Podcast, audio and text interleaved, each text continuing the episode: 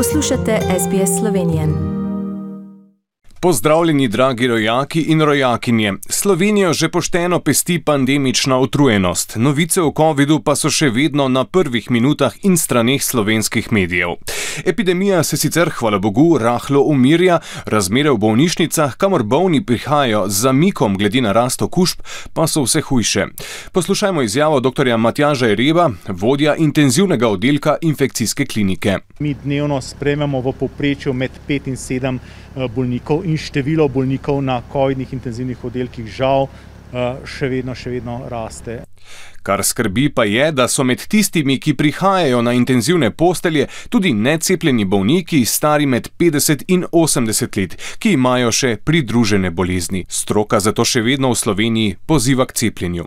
Samih ukrepov vlada za zdaj ne namerava zaostriti, bodo pa na Ministrstvu za gospodarstvo pripravili predloge za čas božično-novoletnih praznikov. Uspona okužb, kot pravi ministr za zdravje Janez Poklukar, si ne moremo privoščiti so seveda eh, prizadevanja usmerjena v to, da seveda do neke mere se eh, dopustiti aktivnosti, vendar skrajno eh, pod, bom rekel, nadzorom izvajanja vseh potrebnih ukrepov.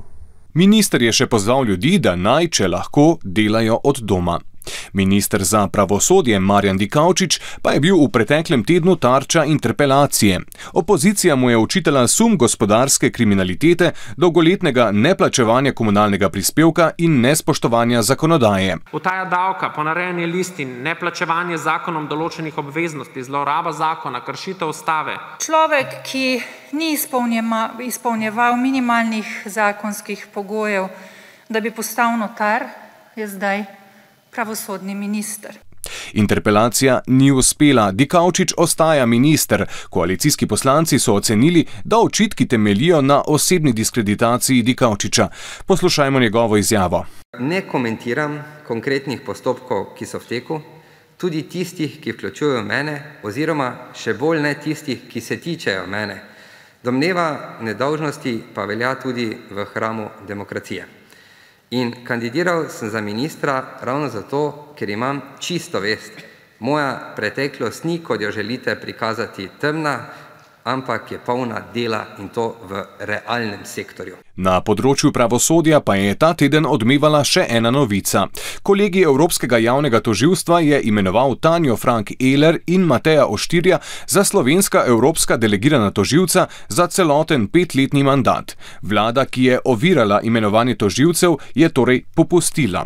Vlada pa je že predlagala nov zakon, po katerem bi lahko Evropskemu javnemu tožilstvu predložila novo listo kandidatov. Gre torej za poskus, da bi vlada tožilca, ki ji nista po volji, lahko kljub imenovanju zamenjala.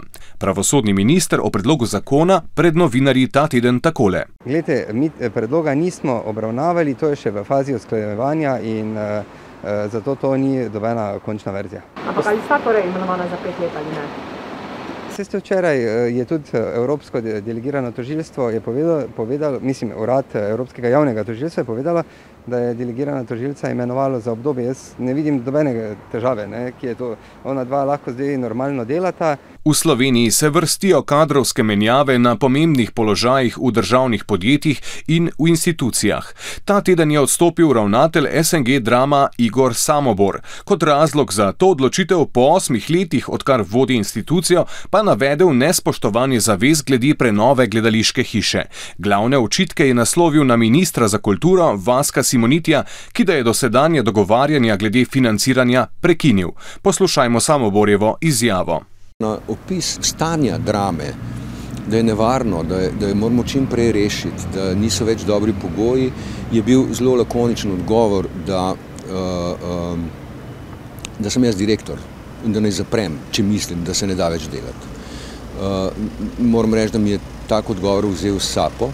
Ministr Simoniti je zatrdil, da se bo postopek obnove zgradbe nadaljeval, a bi za to po novem osnutku programa za kulturo namenili 21 milijonov evrov, polovico manj od sprva predvidenih sredstev. Stoterica najbogatejših slovencev ima pod palcem 7,1 milijarde evrov, kar je največ doslej, ugotavljajo v časniku finance. Premoženje 100 najbogatejših se je v zadnjem letu povečalo za skoraj četrtino, oziroma za 1,3 milijarde evrov.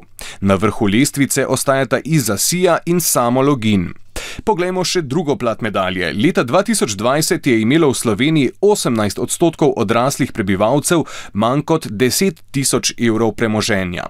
288 tisoč ljudi in njihovih družin je imelo skupaj torej slabe 3 milijarde premoženja. To je slaba polovica premoženja 100 najbogatejših slovencev. S to neravno spodbudno novico se poslavljam. To je bil pregled pomembnejših novic iz Slovenije. Z vami sem bil Žan Dolajš. Lep pozdrav, do prihodnjič. Všečkaj, deli, komentiraj. Spremljaj SBS Slovenijo na Facebooku.